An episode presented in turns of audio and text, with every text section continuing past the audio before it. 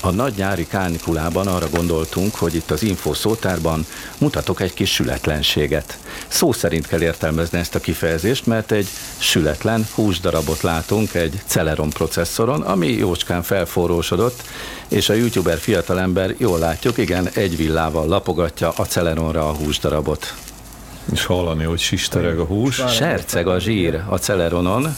Meg is fordítja, hogy a szilikon zsír, hogy jól átsüsse azt a kis húsdarabkát, és hát nem mondom el a végét, mert egyébként tényleg megeszi a fiatalember azt a megsütött hús, sőt van egy másik változat a videónak, amiben pattogatott kukoricát készít, de ott egy pohárra letakarja, hogy a mhm. kipattogzó kukorica darabok ne repüljenek szét ott a kondenzátorok között. Szóval elég nagy hő termelődik egy akár Celeron processzoron, ami egyébként azóta már nyilván nem működik, tehát ezzel ezt meg is adta a kegyelemdöfés neki. Nem tudom, de biztos, hogy azért jó, jó meleget csinálám egy processzor, bele sem mernénk gondolni, illetve nem is gondolunk bele, hiszen... Csinált hőtesztet a fiatalember előtt, mert egy csöpp vizet ráöntött, és amikor uh-huh. így elfüst, elgőzölt a víz, akkor, gond, akkor már tudta, hogy 100 fok fölött van. Igen, igen. Az már, az már, ahogy olvastam, az már probléma egy akármilyen processzornál, hogyha 100 fok vagy afölé megy a hőmérséklete. Egyébként nem csak a nyár miatt érdemes erre gondolni, mert most a műsor jelenlegi adásideje alatt dögletes hőség van, itt bent a stúdióban is, de kint még aztán pláne. Hanem, hanem időről időre, ahogy egyre nagyobb teljesítményű processzorok jelennek meg, és egyre nagyobb teljesítményű gépeket hoznak ki a különböző gyártók. Időről időre, hála Istennek, csak jellemzően nagyon rövid, rövid ideig elő fordulnak olyan technikai fejlesztésbeli, programozásbeli, eh, szoftveres, firmveres eh, hibák, ami miatt egyébként egy nagyon nagy teljesítményű processzorral ellátott eh, szerkezet az nem nyújtja azt a teljesítményt, amit a vásárló elvár.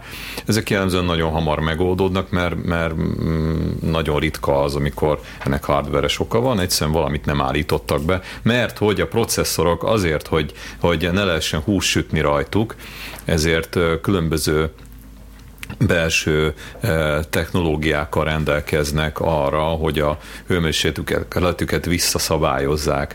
De miért is Azon van erre szükség? Egyébként, hogy kívülről is van rajtuk hűtőborda, meg ilyen fizikai hűtő, hűtés fizikai is van. hűtés is Na van. de hogy mekkora, milyen típusú szoftveres szabályozási rendszert kell tervezni a, a gyártónak egy processzorhoz, tudnék a hardware gyártónak, mint a számítógép gyártónak, illetve milyen típusú hardveres hűtést kell tervezni tervezni hozzá, tehát fizikai hűtést kell tervezni a processzorhoz. Na az viszont már a processzor gyártója produkálja azokat, a, azokat az értékeket és paramétereket, és ez időről időre előkerül. Sok ilyen, ez a téma, sok ilyen paraméter van, több, mint ahogy utána olvastam, több ilyesmi is van.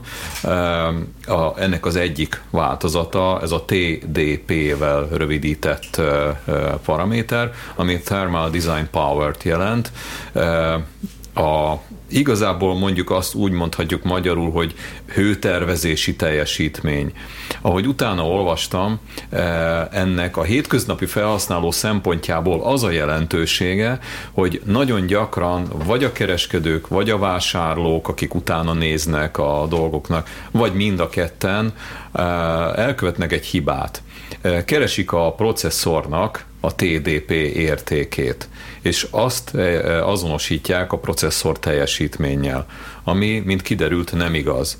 A processzor, a TDP, a Thermal Design Power, tehát a hőtervezési teljesítmény, az egy nagyon fontos érték, de nem a felhasználónak. És nem hanem is a teljesítményt jellemzi. De a teljesítményt eh, csak annak egy bizonyos hányadát. Uh-huh. Egy, egy, a, a processzor gyártója adja meg, hozzáteszem, ahogy utána olvastam, különböző gyártók különböző módon mérik ezt a fajta TDP értéket, tehát még ebben sincs konszenzus. Hát akkor összevetni se lehet ezeket. Nagyon nehéz, mármint egy gyártmányon belül igen, de, de mint tudom, AMD meg Intel másképp méri. Uh-huh.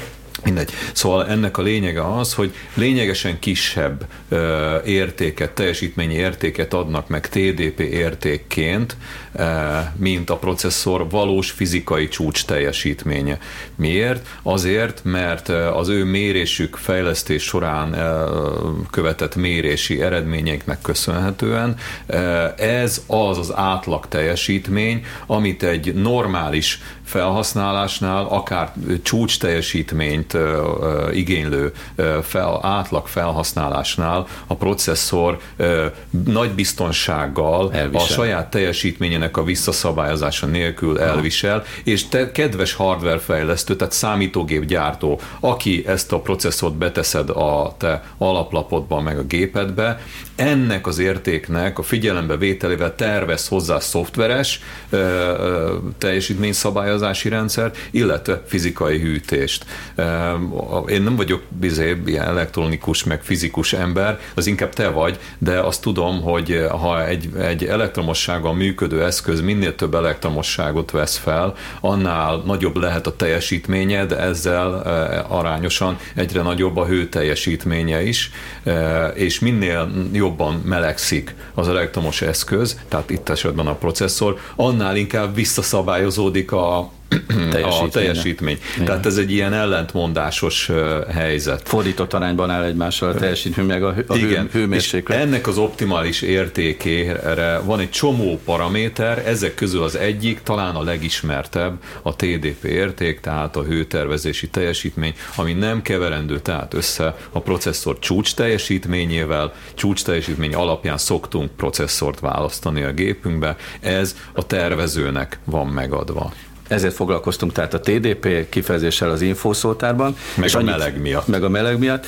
és a, és a hús sütés miatt. Annyit még azért hadd tegyek hozzá, hogy a YouTube-on számtalan olyan videót találhatunk ifjú hackerektől, akik valamilyen módon kipróbálgatják ezeket a TDP értékeket. Például leveszik a processzorról a hűtést, majd amikor látják, hogy visszaszabályoz a gép teljesítmény, akkor visszarakja Hát ezt azért nem javasoljuk a mi nézőinknek, hallgatóinknak, hogy a saját gépükkel kipróbálják, de tényleg működik. Na Tehát... viszont roppant idegesítő lehet, hogyha kifizetsz mondjuk 900 ezer forintot egy laptopért, egy vadonatúj friss fejlesztésért, és ezt önmagától az eredeti gyári állapotában produkálja az eszköz.